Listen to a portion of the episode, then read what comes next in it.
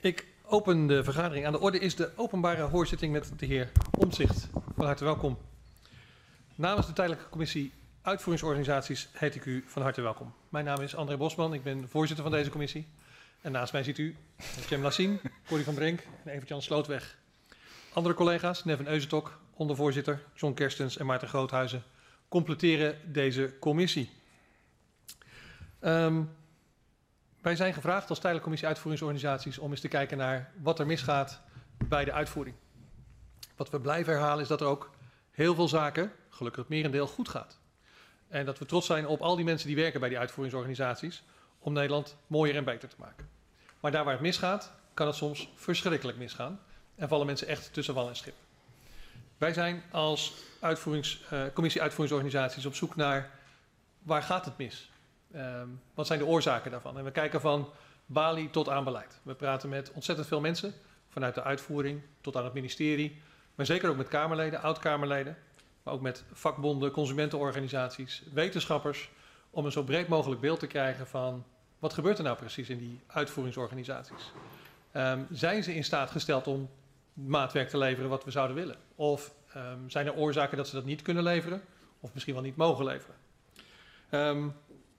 We hebben de hele groep mensen uitgenodigd om inderdaad al die informatie te krijgen om een goed rapport te schrijven en mogelijk stevige aanbevelingen te kunnen doen. Um, toch even een, een, een, punt wat ik vooraf wil melden. U bent um, uh, heel erg bezig met de kinderopvangtoeslag, de fraudeaanpak kinderopvangtoeslag. Vinden we als Kamer zeer belangrijk werk voor een ieder. Maar daarom hebben wij een aparte commissie ingesteld, de parlementaire onderzoekscommissie kinderopvangtoeslag, die uh, specifiek over dit onderwerp gaat spreken. En ter voorkoming van dubbeling of mogelijke problemen met de andere commissie hebben wij, uh, vragen wij in ieder om niet over dat onderwerp inhoudelijk te spreken. Uh, en vandaar deze voorwaarschuwing ook iedereen die meekijkt. Want die zouden misschien kunnen denken van hé, hey, misschien komt het nu wel aan bod. Uh, maar daar hebben we een aparte commissie voor die ook openbaar de verhoren zal gaan doen. Um, voordat we beginnen met de vragen wil ik u graag even vragen of u zich even kort wil introduceren en voorstellen. Meneer Omzicht. Hij staat aan. Dank u wel. Ja, Pieter Omzicht, uh, lid van de Tweede Kamer der Staten-Generaal. En um, sinds ongeveer 17 jaar. En in die 17 jaar heb ik uh, de portefeuilles gehad uh, zorg, inclusief de toeslagen, belastingen, pensioenen, een stukje van de sociale zekerheid. Dus daar vallen een hele hoop uitvoeringsorganisaties onder. Mooi. Dan willen we graag beginnen met het horen en dan begin ik met Corrie van Brink. 17 jaar Tweede Kamerlid, dus dat is veel ervaring uh, dat hier aan tafel zit. Kunt u nou de belangrijkste problemen die u signaleert bij de uitvoering aan ons melden? Um, nou, ik, ik heb een position paper voor jullie geschreven. Zeker. Uh, die is ja, uh, opgestuurd. Dank. Um, daar staat een aantal inleidingen binnen. En ik heb mij proberen te concentreren op de politieke kant van de zaak. En dus niet um, uh, met de vinger wijzen naar UWV of Belastingdienst, maar ook wat is er in ons proces um, aan de politieke kant wat niet goed gaat. En er zijn een aantal dingen die niet goed gaan. Uh, om mee te beginnen is we maken zeer uitgebreide regeerakkoorden. Ja. En uh, tijdens een um, coalitieperiode hebben we ook nog zeer uitgebreide andere akkoorden, zoals bijvoorbeeld het klimaatakkoord. Nou, zo'n regeerakkoord bevat 150 maatregelen die tot op de laatste cent uitgerekend zijn uh, wat ze moeten opleveren. En zo'n klimaatakkoord bevat er 600. Die worden in één keer goedgekeurd. En op het moment dat de uitvoering ter hand genomen wordt in de Tweede Kamer, staat vast dat die maatregel genomen moet worden. Terwijl die maatregel, nou, u heeft gezien, als een regeerakkoord goedgekeurd moet worden, dan krijgen regeringsfracties daar twee tot drie uur voor. En die heeft zelfs gezien dat de VVD ooit eens een keer de inkomensafhankelijke zorgpremie volledig gemist heeft. En dat moest een week later rechtgezet worden. Dus er wordt veel te veel volledig vastgepind aan het begin van het proces, wat later in het proces niet meer rechtgezet kan worden. Um, als wij dan um, de regering gaan controleren, dan schaffen wij ook de instrumenten af waarmee wij goed in de wetgeving kunnen kijken. Burgers komen de problemen niet door de algemene wetgeving, maar vaak door een specifieke bepaling die misgaat. Bijvoorbeeld dat je 8000 euro boete moet betalen omdat je um, door een Oost-Europeaan je ramen laat wassen en dat wordt dan als arbeid gezien. Disproportioneel, zeggen wij achteraf. Dat hadden we kunnen voorkomen door wetgeving artikel voor artikel te behandelen en te kijken is de boetebepaling proportioneel met de overtreding die begaan wordt. Meneer um, u, u zegt uh, um, in uw position paper, um, wij kunnen dat doen, hè? Ja. Uh, artikelgewijs uh, de wetgeving doen, maar tegelijkertijd zegt u ook, we doen het nooit. U doet het zelf ook nooit. Klopt dat? Ehm, ik, in de schriftelijke inbreng zult u van Ja. mij bijna altijd een artikelsgewijze behandeling zien. Dus u zult mij eh, morgen bij de Brexit-wet een uitgebreide artikelsgewijze behandeling zien. Maar om u een voorbeeld te geven bij het belastingplan van dit jaar, dat bestaat uit tien wetten. En tijdens het wetgevingsoverleg waar dat behandeld werd, mocht ik negen interrupties plegen. Ik mocht dus minder dan één keer per wet een vraag stellen aan de regering. En die werden soms ook nog enigszins ontwijkend beantwoord. Die vragen worden dan vaak gebruikt voor politieke punten en niet voor inhoudelijke punten. En ehm, ja, daar doen wij onszelf tekort mee. En waar we onszelf dus, behalve dat we dus terug zouden moeten naar eh, de artikelsgewijze behandeling, die in het reglement van de orde ook wel voorzien is, maar nooit gebeurt. En, Zou- en maar, mm, zelfs nu het voorstel is van de commissie van de Staai om dat af te schaffen, omdat het een, een lege, nou ja, huls is. Is dat dan slim? Nee, nee ik vind dat eh, geen goed voorstel van de commissie van der Staaij. Ik vind het jammer dat het niet gebruikt wordt. En ik denk dat er veel ellende mee voorkomen zou kunnen worden. En ehm, ik, ik probeer dan even ehm, tien wetten hè, bij de belasting. Ehm, ik neem aan dat dat heel veel artikelen zijn. Ja. Dat betekent dagenlange vergaderingen om het artikelgewijs door te nemen. Ja, dat betekent dagenlange vergaderingen, maar bij het belastingplan moet je je afvragen of alle wetten van het belastingplan tijdens het belastingplan gedaan moeten worden. Dus daar zitten wetten bij over de CO2-heffing. ehm, en die had op een totaal ander tijdstip ingevoerd moeten worden. Het originele doel van het belastingplan was het vaststellen van de percentages belastingen. Moet het iets omhoog, moet het iets omlaag? Hoe krijgen we de begroting rond? En het idee was dat inhoudelijke wetten op een ander tijdstip behandeld zouden worden. Maar voor het gemak van de regering, en elk jaar klaagt de Kamer erover, maar ze zegt nooit een keer nee, dit doen we op een ander moment, gooit de regering alle fiscale wetgeving, of driekwart van de fiscale wetgeving, met Prinsjesdag op tafel en zegt dit willen we graag binnen zes weken behandelen. Ook, ook voorstellen die de belastingwetgeving zelf veranderen en pas over anderhalf jaar ingaan. Als je SEC de belastingwetgeving zou pakken, zou je maar twee wetten hebben. En die kun je prima behandelen. Ik- ehm, een van uw eh, eh, opmerkingen was ehm regeerakkoord heel gedetailleerd. Ehm, betekent dat ook, hè, want wij kijken nu naar de belangrijkste problemen voor de uitvoering. Betekent dat ook dat wij een, een volgend regeerakkoord zouden moeten zeggen: ehm, dit is wat we graag zouden willen en uitvoering, vertel jullie maar hoe we dat zouden kunnen realiseren? Is dat niet een veel betere manier? Ehm, er zou in ieder geval meer flexibiliteit moeten zijn dat wanneer er in het wetgevingsproces. Zo'n regeerakkoord maak je in een vrij kleine kring. En het andere probleem is dat omdat we alle adviesraden afgeschaft hebben, ehm, onze politieke partijen nauwelijks meer denktanks hebben, het vaak allemaal uit het lijstje komt van het CPB, wat zogenaamd kansrijk beleid is. Dat is het beleid dat goed uit de CPB-modellen komt. En eh, alleen als je beleid pakt dat goed uit de CPB-modellen komt, dan, eh, dan zou, zou het kunnen zijn dat in ieder geval in het plaatje van het CPB eh, de werkgelegenheid bijvoorbeeld toeneemt of de koopkracht niet te veel afneemt. Maar dat wordt niet altijd geselecteerd op uitvoerbaarheid. En omdat er nergens anders iets geselecteerd wordt, zou je dus wat meer denktanks moeten hebben, wat meer denkvermogen die het helemaal doordenkt wat de nadelen en voordelen van een hervorming zijn. En dat wanneer er iets in het regeerakkoord staat, je de flexibiliteit hebt om ervan af te wijken. Een voorbeeld is de jeugdwet van 2015. Bijna iedereen van het veld zei: U kunt op zich de eenvoudige interventies prima door de gemeente laten doen. Maar de jeugd-GGZ en de intramurale jeugdgezondheidszorg, dat iemand opgenomen moet worden met een eetstoornis of een, een, een, een, grove interventie, die moet nu door de gemeente geregeld worden. Daar heeft de gemeente geen verstand van. Maar omdat dat letterlijk in het regeerakkoord stond, was niemand in staat om binnen die regeercoalitie te zeggen: zouden wij nog eens even nadenken of we dit nou wel verstandig vinden? En dan dendert zoiets volledig door. En u heeft gezien dat vorig jaar alle inspecties zeggen: dit is onverstandig. En dan gaan we dat nu terugdraaien, terwijl het voorzienbaar was bij de invoering. Niet alle problemen zijn voorzienbaar, maar dit probleem was voorzienbaar. Zeker. Ik eh, weet zelfs nog dat ik met een aantal professionals daar een gesprek over had met eh, ehm, iemand die daar een advies over zou geven aan de Kamer. Dus eh, ehm, dan worden die uitvoerders onvoldoende gehoord. En is dat niet ook een groot probleem dat onze Kamer te weinig praat met de uitvoerders, mensen van de werkvloer van die uitvoeringsorganisaties? Nou, wat wij doen is dan praten we meestal met de top van de organisatie. En daar zit ook een aantal problemen. Als we met de top van de organisatie praten, dan moet alles goed gepraat worden. Dus als er een werkbezoek voor Kamerleden wordt georganiseerd, is er werkelijk waar nooit een probleem te bekennen.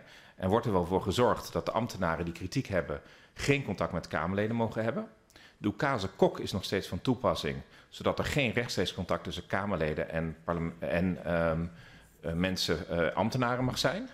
Nou, bepaalde van de mensen die jullie horen zijn helemaal geen ambtenaar. Die zijn ook heel bewust op afstand van de politiek gezet, zodat ze nog verder uh, van die invloedssfeer vandaan zijn.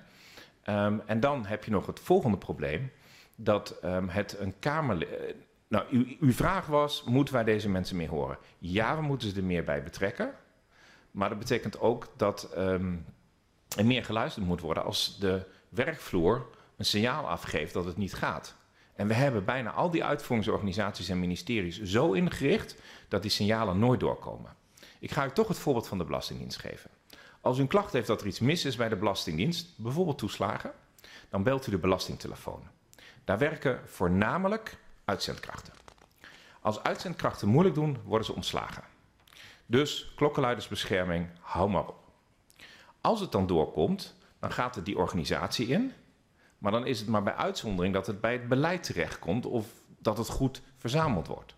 En als de Belastingdienst zelf één keer door heeft dat er een fout, dat het niet goed gaat met de kinderopvangtoeslagen, wat zij in 2015, 2016 hadden, kwam het volgende probleem aan de orde: dat de Belastingdienst de uitvoerder is en het ministerie van Sociale Zaken de opdrachtgever en, de, en het geld houdt.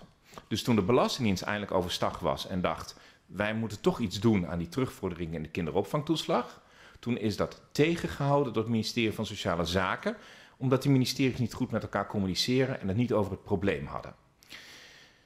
Dus um, we richten het hele stelsel zo in dat eigenlijk niemand in staat is om wanneer zich een flink probleem voordoet bij de uitvoering, en dat kan gebeuren, dat hij dan ook een doorzetmacht heeft, een doorzettingsmacht heeft om het daarna ook proberen op te lossen.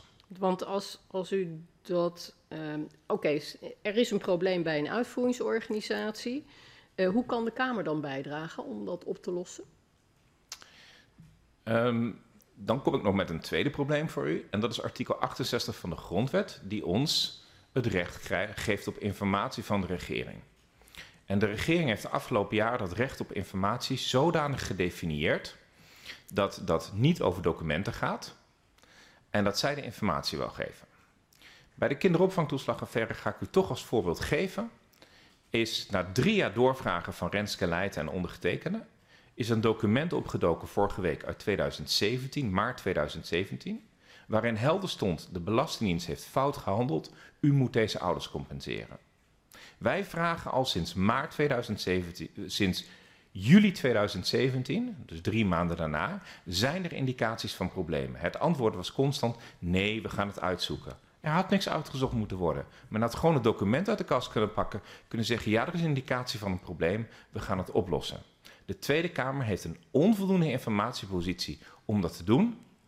En daarbovenop komt nog dat niet iedereen het in de coalitie het in dank afneemt als je gaat graven bij uh, uh, een ministerie of er echt een probleem is. Maar zegt u dan onvoldoende informatiepositie? Ja. En, en hoe kunnen we dat dan verbeteren? Hoe lossen we dat op? Um, artikel 68 zou afdwingbaar kunnen zijn. Ja.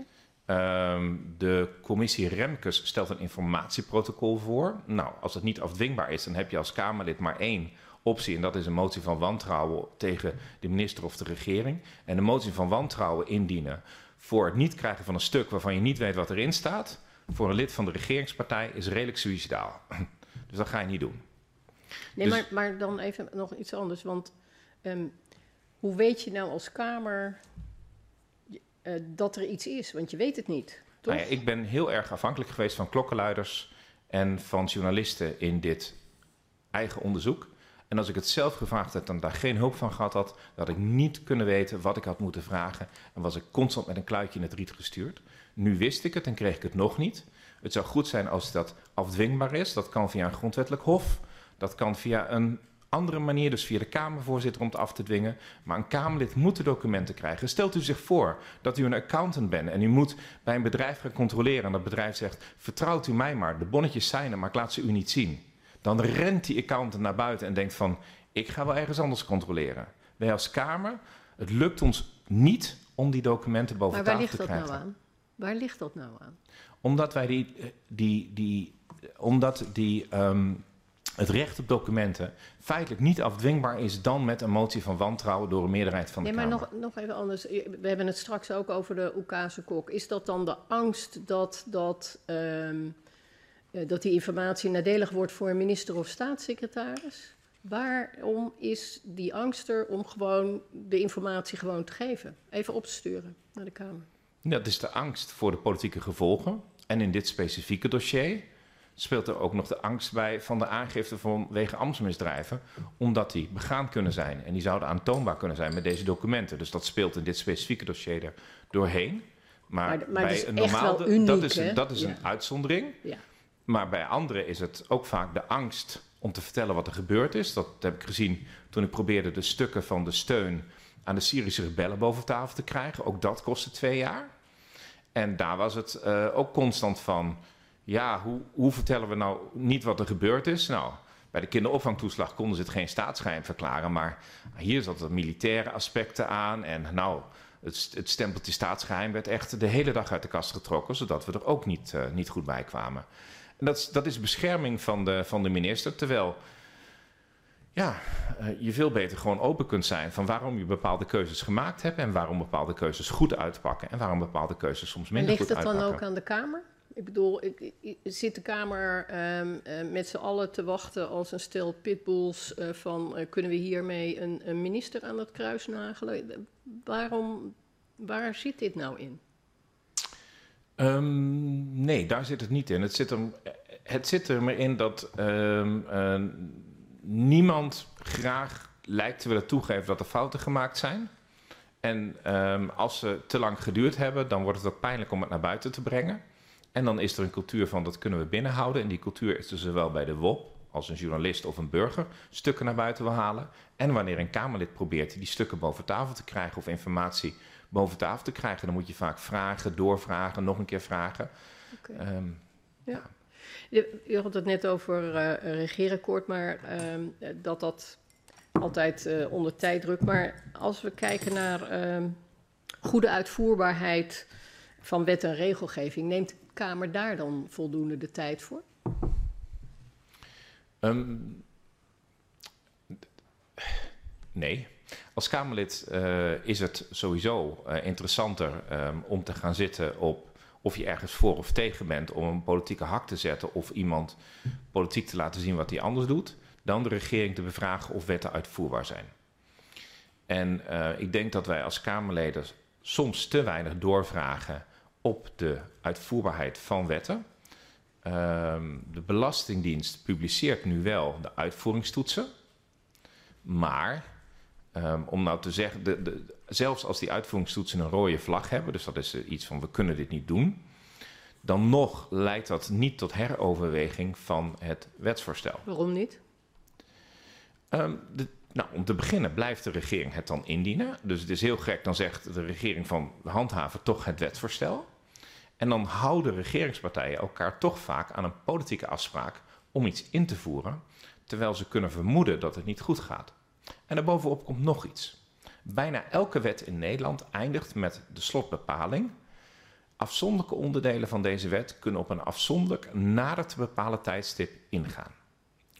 En dat betekent dat er in de Nederlandse Tweede Kamer hele wetten behandeld worden die voor grote gedeeltes nooit ingaan en waar de Kamer nooit over geïnformeerd wordt dat zij niet ingegaan zijn.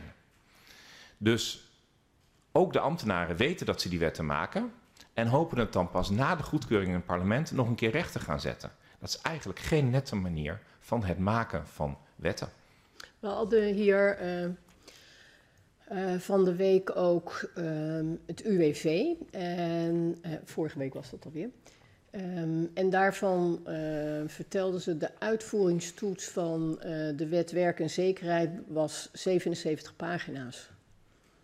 En ik kan me best voorstellen dat misschien op pagina 56 iets bijzonders stond, maar um, zie je het dan ook wel voldoende? In hoeverre um, vlooit u nou al die uitvoeringstoetsen door? De Belastingdienst maakt uitvoeringstoetsen die samengevat worden in een pictogram met op vier of vijf punten een rood, geel of groen vlaggetje met de uitvoerbaarheid, de handhaafbaarheid en dat soort zaken. En daaronder staat een tekst van maximaal vier pagina's en dat is heel prima te lezen. En um, we hebben ook hier toch wel eens mensen uit de uitvoering en die krijgen de indruk dat naarmate het hoger in de organisatie gaat, het, uh, um, het rode vlaggetje iets oranjeachtiger wordt en misschien helemaal zelfs wel groen eindigt. Dat ja. uh, zou zomaar kunnen.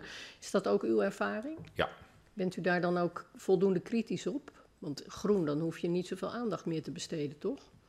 Ja hoor, ik heb verschillende keren mijn wet achteraf gevraagd. De wet is niet ingegaan, onuitvoerbaar. En hier heeft u de uitvoeringstoets. Er stond niet het begin van een probleem in. Alleen als je dat gebeurt, Kijk, door die Oekase kok kun je niet met ambtenaren praten. En in principe moet je natuurlijk de informatie die de regering je opstuurt kunnen vertrouwen.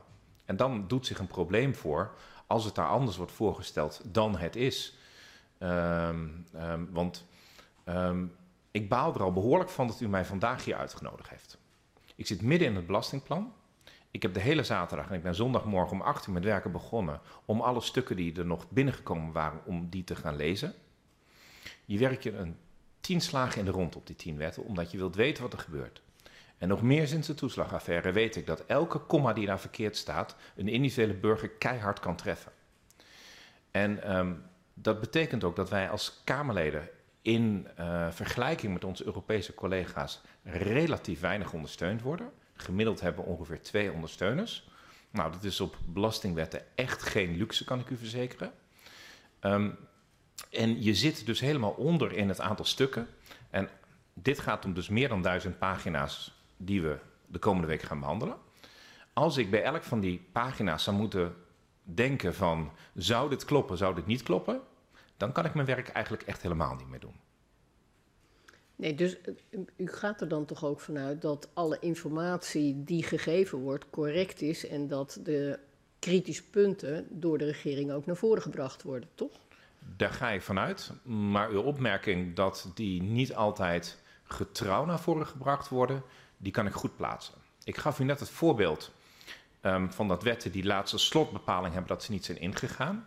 De afgelopen week, na doorvragen, kwam ik erachter dat de wet die de invordering van toeslagen en belastingen moet harmoniseren, die wij in 2016 behandeld hebben, nog steeds niet is ingegaan.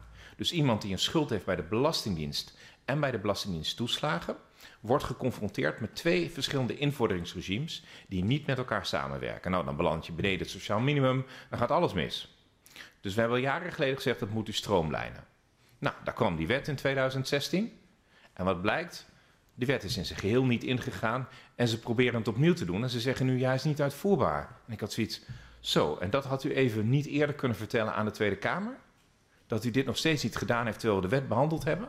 Dus wij worden niet eens geïnformeerd als iets wat we afgesproken hebben, waar we zelfs een wet voor aangenomen hebben, als die niet uitgevoerd wordt. Een tweede voorbeeld. We hebben al vijf keer Kamervragen gesteld of als iemand een WLZ-indicatie heeft, of die dan geen recht op kinderopvangtoeslag moet hebben. Dan moet u aan de volgende casus denken.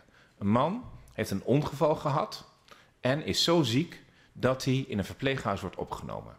De vrouw werkt dan is het in de Nederlandse wet zo, dat, dan heeft de Belastingdienst jarenlang uitgevoerd dat omdat deze man niet werkt, hij voor de kinderen kan zorgen. Nou, u kunt zich voorstellen dat als u zo ziek bent dat u een WLZ-indicatie hebt en u zit in een verpleeghuis, u niet voor de kinderen kunt zorgen. Of in een GGZ-instelling. Dat stellen we vijf keer aan de orde en iedere keer zegt de regering, dat is niet zo. En ik ben teruggegaan in de wetsgeschiedenis en er stonden zelfs wetsartikelen die het mogelijk maakten om juist bij ANVB aan te wijzen wanneer iemand zo ziek is dat hij recht heeft op kinderopvang. Die is nooit gebruikt. En nu komt er in één keer een nieuwe wet, die wordt aanstaande woensdag behandeld, waarin ze gedaan worden, doen alsof het nieuw is dat het opgelost moet worden. Het is 15 jaar geleden al in de wet opgelost, alleen is het nooit ingegaan. Het is buitengewoon bijzonder om dat hele wetgevingsproces te zien. En hoe vaak je er ook op zit, op het moment dat je dat als Kamerlid opbrengt, moet jij de dekking vinden, en dat is miljoenen in dit geval, om deze ouders ook recht te geven op kinderopvangtoeslag. Dus wordt het probleem onmiddellijk naar je teruggegooid en gezegd: Oké, u wilt kinderopvangtoeslag, waar gaat u het korten? En na een beetje doorvragen bleek het hier te gaan om 4000 gezinnen. 4000 gezinnen, waarvan toch evident is dat als die andere partner die, die niet in een verpleeghuis zit of geen WLZ-indicatie heeft werkt, dat daar toch behoefte is aan kinderopvangtoeslag. Als u dit nou analyseert, waar, waar zit dat dan in? Is dat dan ehm, een minister die u onvoldoende geïnformeerd heeft, of een staatssecretaris, of ehm, weten die dat niet eens en, en ehm, zit dat in het ministerie? Nou, iedereen definieert van zichzelf weg wat er aan de hand is. In dit specifieke geval werd constant het antwoord gegeven dat dat via een sociaal-medische indicatie van de gemeente kon. De gemeente kan in bepaalde gevallen dat iemand niet goed voor zijn kinderen kan zorgen, een aantal uren kinderopvang inzetten voor een bepaald gezin. Dat kan een klein kind een bepaalde vorm van stabiliteit geven. Je kunt zich voorstellen dat als iemand in de bijstand zit en bepaalde problemen heeft, en daarom ook in die bijstand zit, dat het dan goed kan zijn voor het kind om een aantal uren per week naar de kinderopvang te gaan en daarvoor te zorgen. Noemen we sociaal-medische indicatie. De VNG heeft een richtlijn opgesteld dat je die sociaal-medische indicatie eigenlijk alleen moet doen als iemand maximaal 100 tot 150 procent van, het, van uh, de bijstandsnorm heeft. Maar als je 150 procent van de bijstandsnorm hebt en je werkt, ja, dan krijg je in Nederland 96% van de kosten van de kinderopvang vergoed. In de richtlijn van de VNG krijg je dan 0% van de kosten van kinderopvang vergoed. Maar omdat die richtlijnen niet bekend zijn bij de ministers wanneer ze in de Kamer zitten, en je zegt van ja, maar als iemand dus een gewoon inkomen heeft van 30.000 euro, of misschien wel een minimuminkomen, misschien werkt in de, in de horeca of de detailhandel en voor een minimuminkomen. Maar die persoon, die in, maar die echtgenoot die nog, die dus in dat uh, verpleeghuis zit, die heeft bijvoorbeeld een, een WHO, hè, een, een IVA-uitkering, omdat hij echt arbeidsongeschikt is. Dan heb je gezamenlijk nog een bovenminimaal uitkering. Dan moet die man die in het verpleeghuis zit overigens ook nog een forse eigen bijdrage betalen, omdat hij in dat verpleeghuis zit. En dan zeggen u, u heeft geen recht op de kinderopvangtoeslag. Maar die regelingen zijn zo ingewikkeld dat de ministers constant schrijven... ja, maar dan gaat u maar naar de gemeente. En de gemeente zegt, ja, maar dat vergoeden we niet, want dat zit boven de norm. En dan vallen die mensen precies tussen wal en schip. Nou, dit jaar wordt het dan geregeld, maar het is na jarenlang vragen stellen. En uh, eigenlijk zijn de regelingen in Nederland zo ingewikkeld dat niemand ze kent. Ik zal het u sterker zeggen.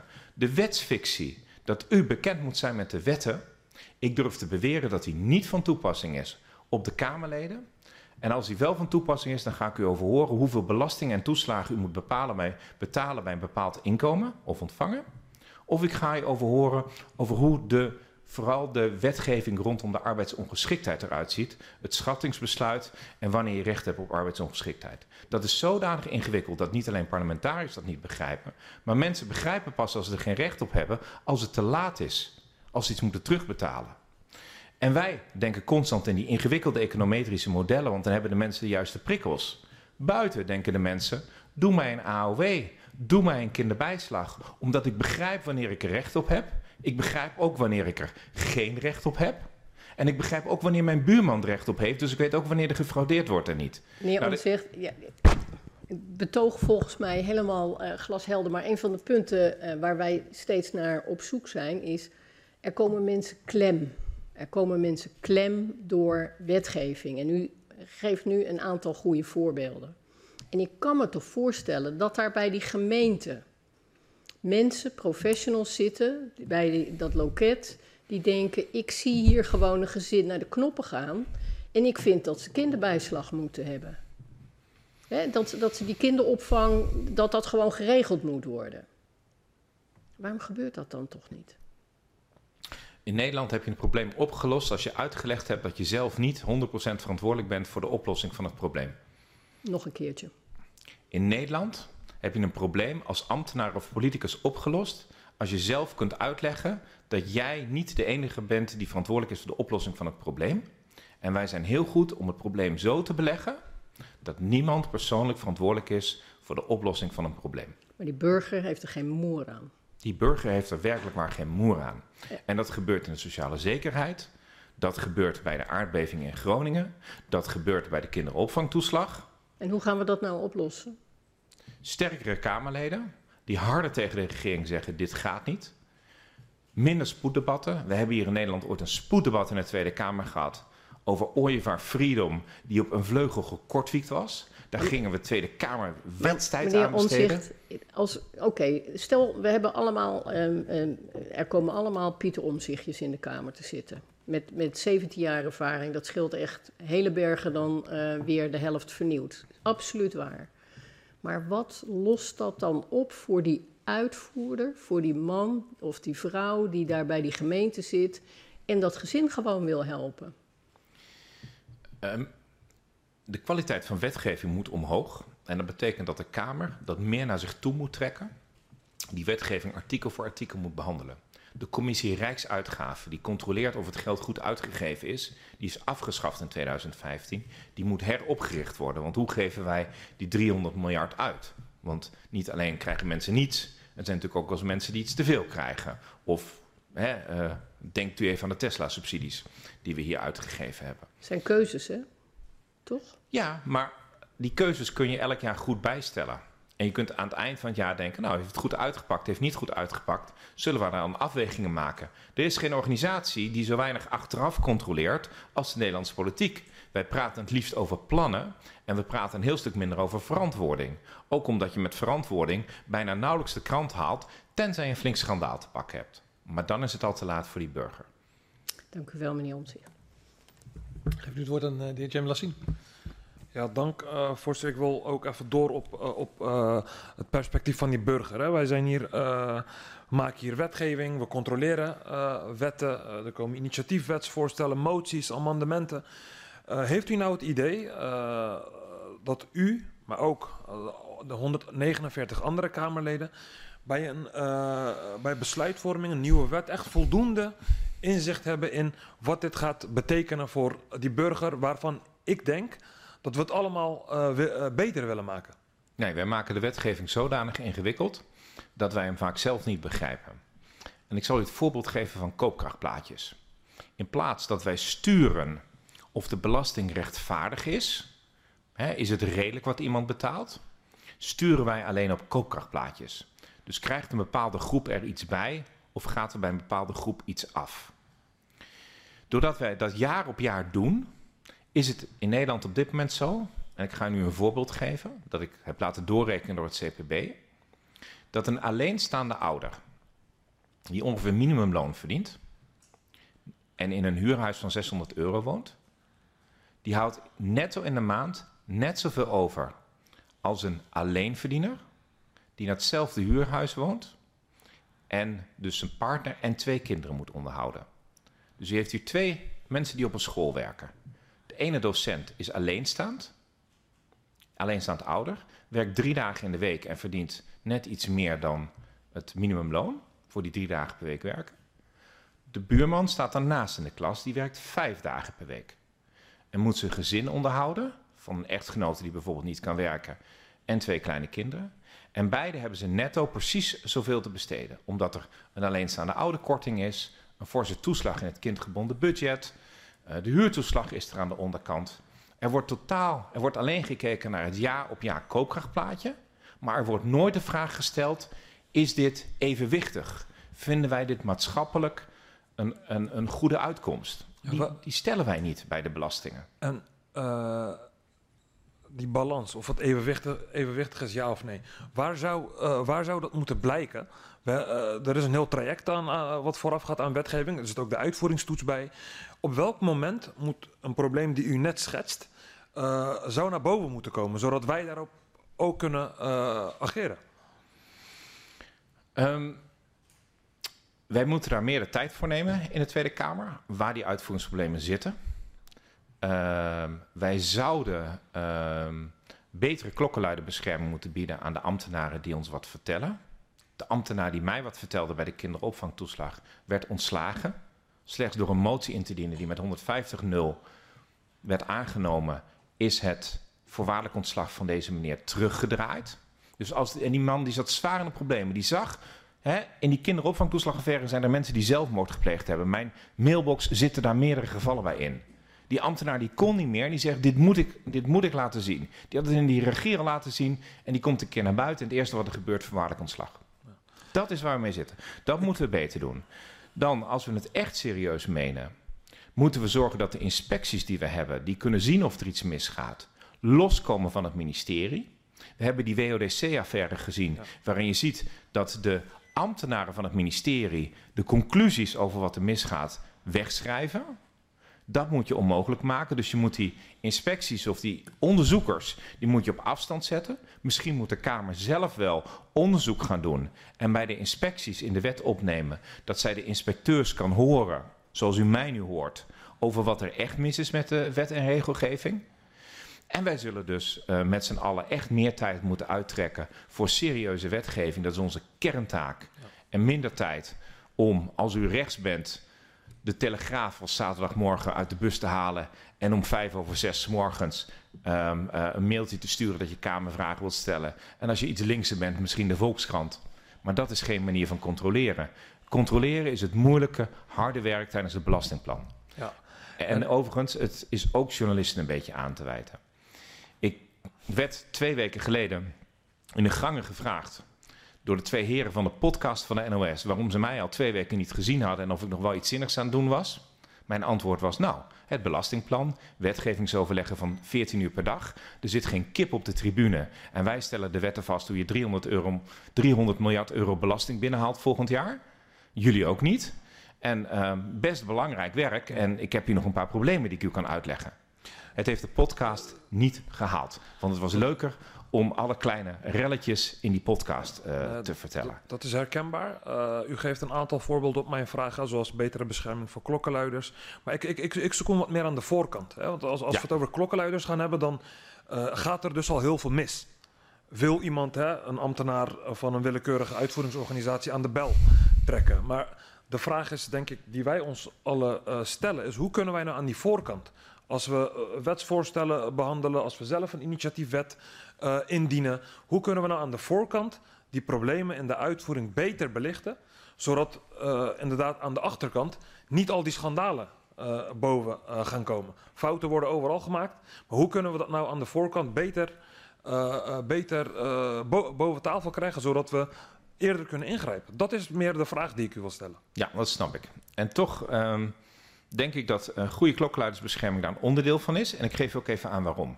Als we weten dat het via klokkenluiders toch wel naar boven komt, dan heeft de top van die organisatie er meer belang bij om het tijdig aan de politiek te vertellen. Dus als het tijdig door de top verteld wordt, omdat ze weten dat ze niet onder de pet kunnen houden, is die dreiging van de goede klokkenluidersbescherming al voldoende om het eerlijker en duidelijker op tafel te krijgen. Het tweede is, wij zouden misschien wel eens een keer tegen een wet moeten stemmen als wij niet begrijpen wat er in die wet staat. Ik bedoel, begrijpen wij altijd wat er in die wet staat? Dan vraag ik door en door en door. Dan denk ik, ja, maar wat bent u hier nu van plan? En um, um, als we het niet begrijpen, zouden eens een keer moeten zeggen tegen de regering: gaat u naar huis totdat u het goed kunt uitleggen. Of totdat u uh, um, een, een nota van wijziging op die wet heeft ingediend, waardoor die een stukje uitvoerbaarder wordt. We moeten ons wat minder laten opjagen als Tweede Kamer om een bepaald tempo van wetgeving te handhaven. Hoe, zouden we dat kunnen doen? Eén uh, uh, optie is natuurlijk alles zelf doorakkeren, wet voor wet, artikel voor artikel. Uh, en dan uh, die afweging maken, begrijp ik alles ja of nee. Maar zijn daar instrumenten voor uh, als Kamerlid om wetsvoorstellen beter te begrijpen en ook wat, misschien wat compacter beter te begrijpen? Nou, kijk, de, vraag, de eerste vraag die je moet stellen is of alle Kamerleden alle wetten moeten lezen. En het antwoord is gewoon nee. Daar word je gek van. Dus je zou in de. Kijk, in de oude. Als je 30 jaar geleden in de tijd teruggaat, had je drie grote partijen in de Tweede Kamer die samen 130 zetels hadden. Die hadden specialisten. En op het moment dat drie specialisten van partijen, twee van regeringspartijen, één van de oppositie, alle drie het goed doorvlooien en zeggen van dit klopt, dan heb je een aardig beeld of iets uitvoerbaar is of niet uitvoerbaar is. En geloof mij, ingewikkelde wetgeving in Nederland is heel snel doorgevoerd. De BTW heeft, is in negen maanden in dit land ingevoerd in de wetgeving. Omdat die eenvoudig gehouden is. Nu hebben wij veel te veel partijen. Het probleem zijn niet de kleine partijen. Het probleem is het ontbreken van grote partijen met kennis van de materie. Want het is voorwaar niet gemakkelijk om te begrijpen wat de invloed van een bepaald wetgevingsartikel is op de onderwijspraktijk of op de belastingen of of het uitvoerbaar is door het UWV. Daar heb je kennis voor nodig. Daar heb je mensen voor nodig die 20 jaar belastinginspecteur geweest zijn. Er is geen enkele fiscalist in de Kamer. Ja, er is er eentje bij de VVD, maar die is geen woordvoerder. Dus geen fiscalist in de Kamer, ehm, geen materiedeskundige. Dat betekent dat het moet aantrekkelijk zijn om Kamerleden te hebben die, die iets weten van het onderwijsveld, die, die het zorgstelsel kennen omdat ze huisarts geweest zijn, of omdat ze hoofdverpleegkundige zijn, of omdat ze een tijdje ziekenhuisdirecteur geweest zijn.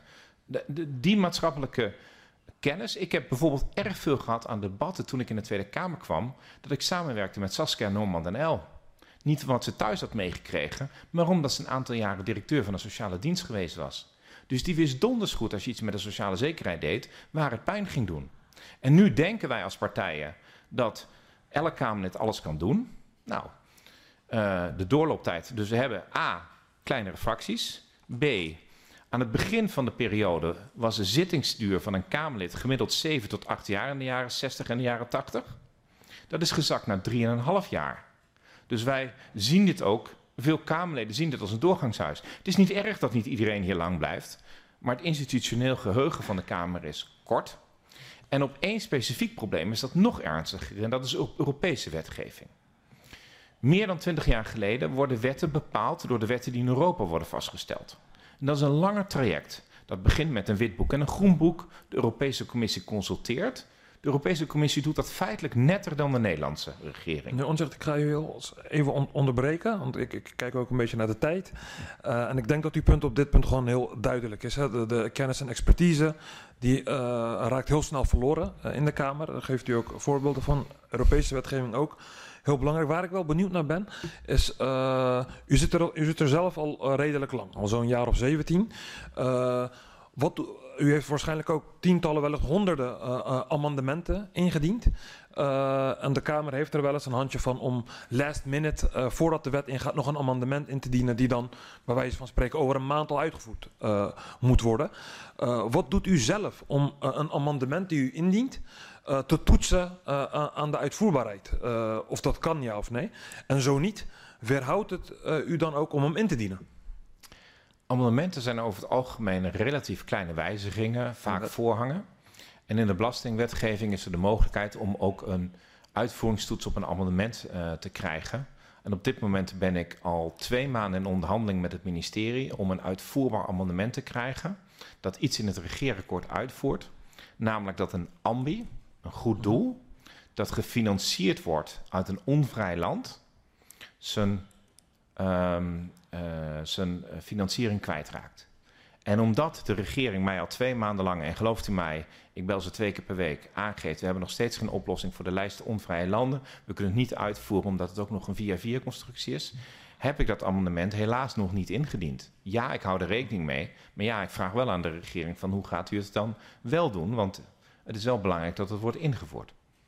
Ja, duidelijk, duidelijk. Uh, uh, en dan wil ik over naar uh, waar het net ook over ging met mevrouw Van Brenk, deels al, over de informatiepositie van, van de Kamer. Ja. ik denk dat we uit het eerste deel van dit gesprek al kunnen concluderen dat u ook dat u vindt dat de informatiepositie van de Kamer onvoldoende is op dit moment. Dat dat uh, sterker zou moeten. Uh, en dan refereer ik nogmaals naar uw ervaring als, als, als, als Kamerlid. dan zou ik u willen vragen welke ontwikkeling u de afgelopen 10, 15, 17 jaar heeft gezien in die informatiepositie van de Kamer. Is dat veranderd? Zo ja. ten positieve of ten negatieve? Wat kunt u daarover nog aanvullend vertellen wat u, op wat u net heeft gedaan? In 2002 heeft toenmalige minister De Vries van Binnenlandse Zaken in de Eerste Kamer een notitie ingediend over de informatiepositie, artikel 68 van de Grondwet. En daarin stelde de regering onomwonden dat de Kamer recht heeft op de informatie die ze vraagt. Dat dat recht toebehoort, uitleg artikel 68, aan een individueel Kamerlid. Dat is heel belangrijk, dat dat een individueel Kamerlid is niet de meerderheid. Want een oppositiekamerlid moet natuurlijk gewoon opposi de, moet natuurlijk de informatie niet geblokkeerd zien worden door de meerderheid in de Eerste of Tweede Kamer. Dat dat dat dat informatierecht ook betrekking heeft op documenten. En dat het niet geblokkeerd kan worden. eh, dat het tenminste net zoveel moet zijn als wat journalisten eh, via de WOP kunnen krijgen. En op al die drie punten heeft de regering in 2016, en dat is langzaam naar beneden gegaan, geprobeerd het uit te kleden. Dus de regering zei alleen als de meerderheid van de Kamer erom vraagt, dan geven we het. Dan kunt u als oppositie niet controleren. Die zei op een gegeven moment, het heeft geen betrekking op documenten. Wij bepalen wel welke informatie u krijgt. Ik heb het voorbeeld gekregen van een notitie die ik echt had willen hebben. Want die informatie was ons niet gegeven in de kinderopvangtoeslag ehm, affaire. Die ik feitelijk gewoon een schandaal zou moeten noemen. Het is geen eh, eh, affaire. Ehm, en, eh, en je moet dus gewoon die, die, de stukken kunnen, kunnen krijgen. Nou, de Tweede Kamer heeft dat door een aantal moties van mij aan te nemen nu weer gezegd. Dat moeten we wel willen. Maar de praktijk is dat het uitermate veel, ehm, eh, veel moeite kost om documenten te krijgen. En als je de Kamer vragen over stelt, dat de rest van de coalitie het niet altijd even leuk vindt. En dat is best wel heel vervelend. Want het, alleen de informatie boven tafel krijgen levert al conflicten op. En dat is eh, eigenlijk bijzonder slecht. En het kost zoveel energie dat je de energie niet kunt steken in het controleren van iets anders. Ik heb de afgelopen drie jaar me te veel bezig gehouden met de kinderopvangtoeslagaffaire. Omdat ik er niet doorkwam en daardoor kon ik andere dingen niet doen. En dat was niet omdat ik me aan een 38 uur werkweek aan het houden was. Ja, en eh, als we dan kijken naar, eh, u geeft twee, twee momenten aan eh, in uw antwoord 2002, eh, 2016. Eh, de vraag is natuurlijk waarom die ontwikkeling zo is gelopen als die is gelopen. Want eh, dat, dat informatie of documenten eh, die de Tweede Kamer opvraagt, wellicht politiek gevoelige informatie eh, bevatten, dat zal niet, niet iets nieuws zijn. Dus eh, waarom is die ontwikkeling eh, op die manier gelopen? Waarom is het in 2002 zo uitgelegd? En zitten we nu 18 jaar later eigenlijk in een andere situatie? Kunt u daar eh, argumenten voor bedenken? De Kamer is niet altijd, heeft niet altijd op zijn strepen gestaan. En omdat bepaalde collega's het dan laten lopen, sluipt het erin dat de regering ermee wegkomt om die informatie niet op tafel te leggen. En als er informatie is die niet op tafel gelegd wordt en als dat niet politiek op een gegeven moment gesanctioneerd wordt en ze voelen dat dat kan leiden tot een motie van wantrouwen, ja, dan is het aantrekkelijker om informatie niet op tafel te leggen, want je komt er toch mee weg en je moet dan uitleggen hoe vervelend het was, dan om dat wel te doen. En met die kinderopvangtoeslagenaffaire nogmaals, als wij geen klokkenluiders gehad hadden en geen goede journalisten, dan waren Renske Leijten en ik niet gekomen waar wij nu op dit moment zijn. En dat is een hele pijnlijke constatering, want ik moet als Kamerlid gewoon informatie kunnen vragen. Ik heb in juli 2017 rechtstreeks de vraag gesteld aan toenmalig staatssecretaris Wiebes. Zijn er bij u gevallen bekend in die kinderopvangtoeslag waar het schrijnend is en er iets rechtgezet moet worden? Die waren niet bekend. Nou, er lag op dat moment al een memo dat die ouders gecompenseerd moesten worden. Wel degelijk was het bekend dat er schrijnende gevallen waren. Eh, denkend aan eh, eh, de voorwaarschuwing die onze voorzitter aan het begin van deze gesprek gaf over de toeslagenaffaire, Ja. ga, ik, eh, ga, ik, eh, ga ik door op een Snap volgende vraag. Maar eh, het is duidelijk waar uw antwoord naartoe leidt. Nu zijn wij als Kamer natuurlijk wel heel erg afhankelijk van, van de minister en haar ministerie wat betreft onze informatie. Eh, dan hebben we de klokkenluiders, waar u ook al een aantal keer aan heeft gerefereerd. Ziet u mogelijkheden eh, voor de Kamer om buiten die mogelijkheden die we eh, nu hebben, of waar we het nu over hebben, om haar posi- informatiepositie te verbeteren? Dan moet ik meteen ook zeggen dat de Oekase Kop natuurlijk net ook naar voren kwam. Hoe kunnen we met die gegevens onze, de informatiepositie van de Kamer verbeteren, zonder dat het meteen leidt tot hè, het opzeggen van het vertrouwen, of in ieder geval het dreigen daarmee? Nou ja, daar moet je wel mee dreigen. Want op het moment dat, dat stukken niet geleverd worden en je neemt geen actie, dan komen ze ermee weg. Maar de informatiepositie kan op een aantal manieren verbeterd worden. De eerste is vaak dat als er iets ontbreekt of als we iets niet begrijpen, dan dienen wij een motie in en dan vragen we de regering om onderzoek te doen naar het eigen handelen. Nou, ik kan u verzekeren, die onderzoeken worden meestal, wordt de onderzoeksvraag zo gesteld en worden de onderzoekers zo geïnstrueerd dat precies het probleem wat wij willen vinden als Tweede Kamer niet gevonden wordt. Dus je zou ervoor moeten zorgen dat de Kamer ofwel mee meestuurt met de opdrachtformulering van het onderzoek, ofwel zichzelf altijd het recht voorbehoudt om die onderzoekers onder ede te horen wat ze echt gevonden hebben. Want nou, bij de douane is er onderzoek geweest en wij mogen de onderzoekers niet eens spreken. Hoe bizar. Het onderzoek blijft geheim. Ik mag het alleen in een kamertje van de griffier lezen. En als u weet wat erin staat, dan snapt u waarom ik er zo boos over ben. Dus wij moeten onszelf dat onderzoek naar ons toetrekken. We kunnen ook een stap verder gaan en net zoals Amerika een soort Congressional Budget Office oprichten, waardoor we onze eigen onderzoekscapaciteit richten. Dat als wij vinden dat iets onderzocht moet worden, dat wij dan bepalen hoe dat onderzoek plaatsvindt en wie dat plaatsvindt. Dan de inspecties die er wel zijn. Nou, die er zijn, dan moet je het recht voorbehouden. In, in een aantal materiewetten heeft de Kamer vastgelegd dat zij iemand standaard mag horen. Dus in de wet op de Nederlandse Bank is vastgelegd dat wij de president van de Nederlandse Bank in de Kamer kunnen uitnodigen en dat hij dan gewoon komt. Dus hij moet een hele goede reden hebben. En dan, dan doen we het de dag erop hoor, het maakt niet uit. Maar hij komt. Dus als wij meneer Knot willen spreken, komt meneer Knot. Dat moeten we dus ook regelen met een aantal inspecties. Dat wanneer wij vinden dat we die moeten spreken, dan moeten we ze spreken. En misschien moeten ze wel wat losser komen te staan van de ministeries of onder één ministerie. Maar dat ze, uh, want je wilt niet dat ze onder de Tweede Kamer vallen, dat heeft ook weer bepaalde nadelen. Maar dat um, uh, daar wat aan moet gebeuren. We hebben in Nederland onvoldoende macht en tegenmacht georganiseerd. De macht is te groot, de tegenmacht is te klein. Zowel vanuit de Tweede Kamer, maar ook vanuit de toezichthoudende instanties. De ombudsman, de autoriteit persoonsgegevens. De autoriteit persoonsgegevens heeft tot de dag van vandaag met alle zwarte lijsten, dat is een ander, best heel na bij de Belastingdienst, nog steeds geen enkele boete opgelegd. Wij zitten ons bij de voetbalvereniging af te vragen of we foto's online kunnen zetten van het voetbalteam. Of dat we alle gezichten zwart moeten maken. De Belastingdienst die zwarte lijsten bijhoudt met honderdduizenden burgers. En die burgers extra controleert. Die lijsten bijhoudt op basis van dubbele nationaliteit. Echt een serie wetten overtreedt, dat wil je niet weten. Moet de eerste dwangsom nog opgelegd krijgen. Dus als wij toezicht houden hebben Zoals de ombudsman, die in de Tweede Kamer, wanneer ik hem ondervraag, vertelt dat hij het eigenlijk heel normaal vindt dat het hem regelmatig gebeurt dat de overheid tegen hem liegt. En dan denk ik, en trek jij die minister dan niet over tafel? Als hij tegen je liegt, komt er een snoeihard rapport. Nodig u maar uit. Dus er moet ook macht en tegenmacht georganiseerd worden, wanneer er iets fout gaat, dat dat rechtgezet wordt. En op één ding was ik het niet 100% met u eens ook wanneer wij perfecte wetgeving maken of perfect zijn, zullen er nog steeds wetten zijn waarin iets fout gaat. Dat is heel normaal, daar is de samenleving te complex voor. Als je je dat gewoon realiseert en je vindt een manier om dat zonder al te veel politieke um, gedoe gewoon recht te zetten, dan is dat voor iedereen te prefereren. Als iemand gewoon kan zeggen, na een jaar of twee dit werkt niet helemaal goed, ik wil deze twee dingen wijzigen, daar zouden wij wel eens iets meer clementie voor kunnen hebben. Ja.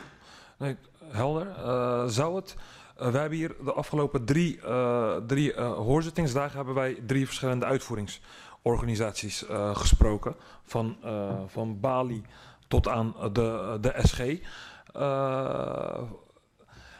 we hebben heel vaak te horen gekregen, het zou, het zou ons ook gewoon helpen als, als de Kamerleden gewoon wat vaker met, met de mensen kunnen praten. Nou, nu staat die Oekase Kok daar een beetje in de weg.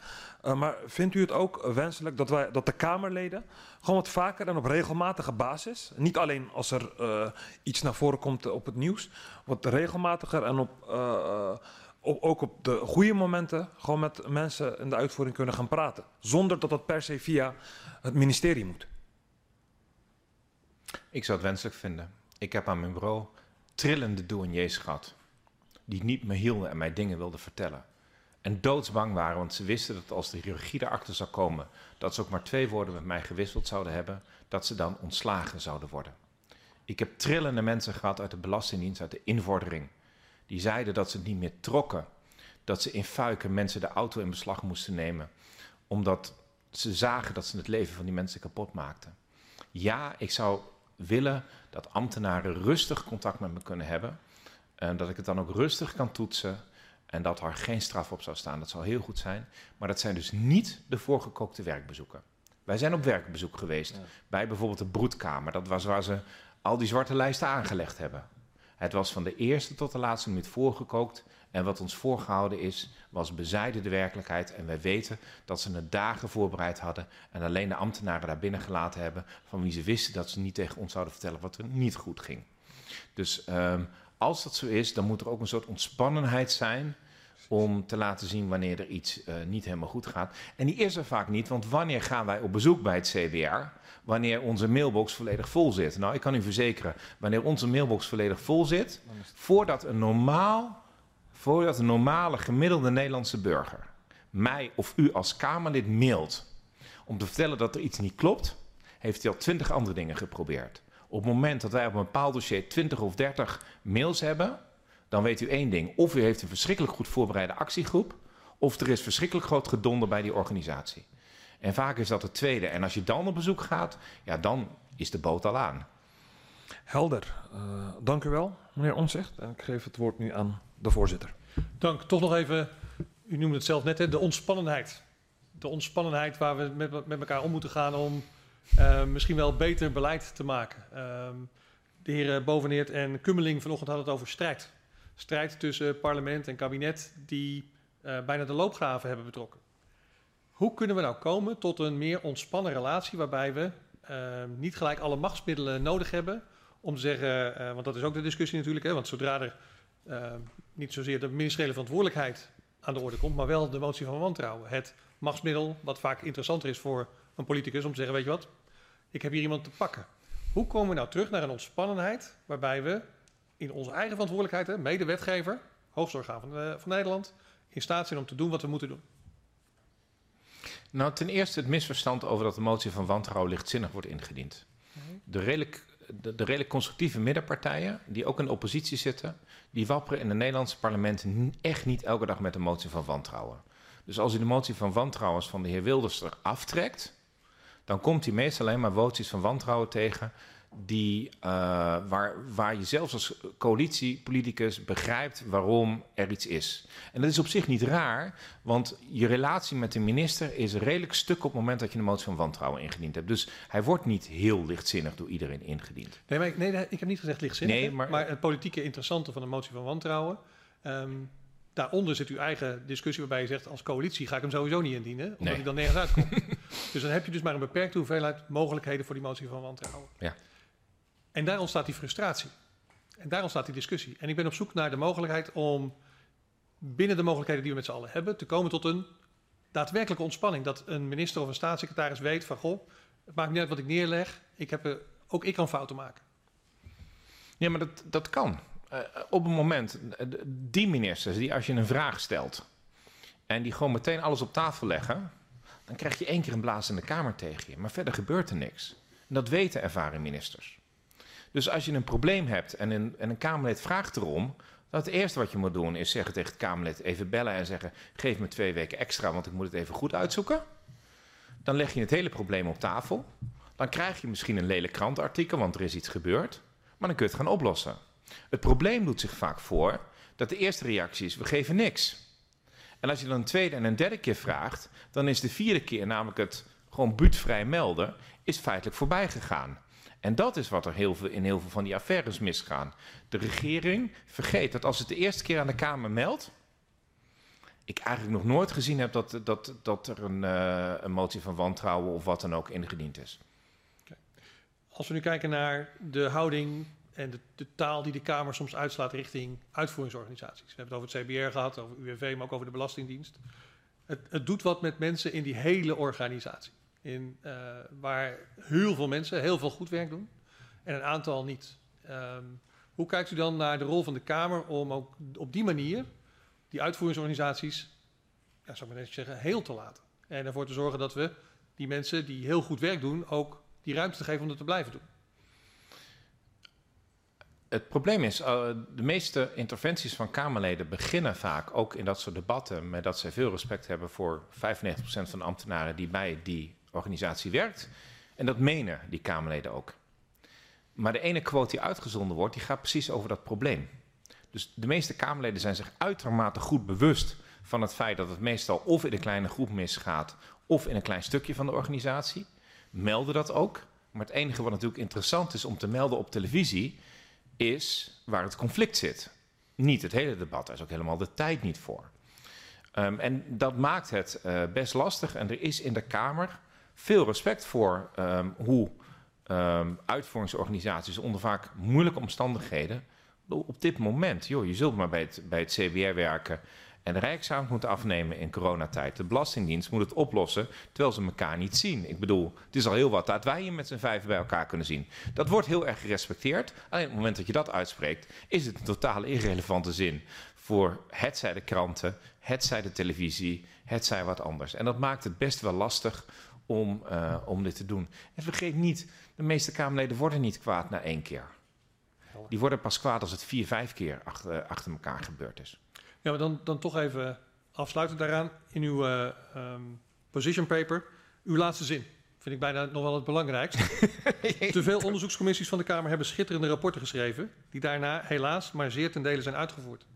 Is dat niet de verantwoordelijkheid van de Kamer zelf? Uh, we hebben namelijk, uh, we, we, gaan nog met de Algemene Rekenkamer spreken, uh, maar ook die geeft heel veel rapporten en adviezen. Um, en ook daar moet ik soms ook bij mezelf concluderen, hebben we die allemaal wel benut? En hoe gaat, ik ga hem toch even op de man afvragen, hoe gaat u ervoor zorgen dat dit rapport zijn weerslag gaat vinden in het volgende parlement? Nou, dit is dus precies al het eerste ding waar Kamerleden elkaar de bal toe spelen. Wie van de 150 Kamerleden is verantwoordelijk voor dat specifieke rapport? En, en dat is waarom ik hem tegen u aanhoud. Schrijf scherpe conclusies. En dwing als, als lid van de commissie, omdat u deze materie het beste kent, ook af dat er iets mee gedaan wordt. Dat ambi-abonnement wat ik net noemde, dat komt natuurlijk ook rechtstreeks uit de commissie van de heer Rog over de financiering van onvrije organisaties hier. En dat was een onderdeel dat op zich niet heel controversieel was. Ik bedoel, niemand van ons denkt dat het handig is dat Saoedi-Arabië hier bepaalde organisaties aan het financieren is en dat wij daar belastingvoordelen aan geven. Dat is een no-brainer. En dat lukt ons maar niet. Hoe we dit gaan doen? Ja, uh, dat betekent dat u en ik daar bovenop moeten zitten. En ik hoop ook dat de voorzitter van de commissie het als zijn taak ziet, ook als hij geen voorzitter meer is, over een jaar Kamervragen te stellen van er zijn hier tien aanbevelingen, regering. Wilt u nog eens reflecteren op wat er gebeurd is en eens gaan rondbellen? En als hij mij belt, krijgt hij antwoord en ga ik u helpen om ze alsnog uit te voeren. Maar wacht even rustig af wat de lijst gaat worden. Um... Dat is een probleem. Want als Kamerlid zou je niet moeten afwachten wat de lijst wordt. Je zou je mandaat moeten halen. En een van de redenen waarom wij niet controleren, is dat als ik het moeilijk maak voor mijn regering, ik heb het één keer zo moeilijk gemaakt in 2011, dat ik gedreigd heb om tegen een wet te stemmen. Dat ging destijds over een wijziging in de bijstandswet. Dat had ik in 2010 aangegeven toen we het over het regeerakkoord hadden. En dat was een hele heftige vergadering, u weet, toen wij in 2010 in de regering stapten. Ik meen dat dat een van de redenen was waarom ik in 2012 niet op de lijst gekomen was. Omdat ik gedreigd had niet in te stemmen en daarmee zou het kabinet gevallen zijn. Dus de kosten van een keertje nee zeggen zijn voor een politicus heel hoog.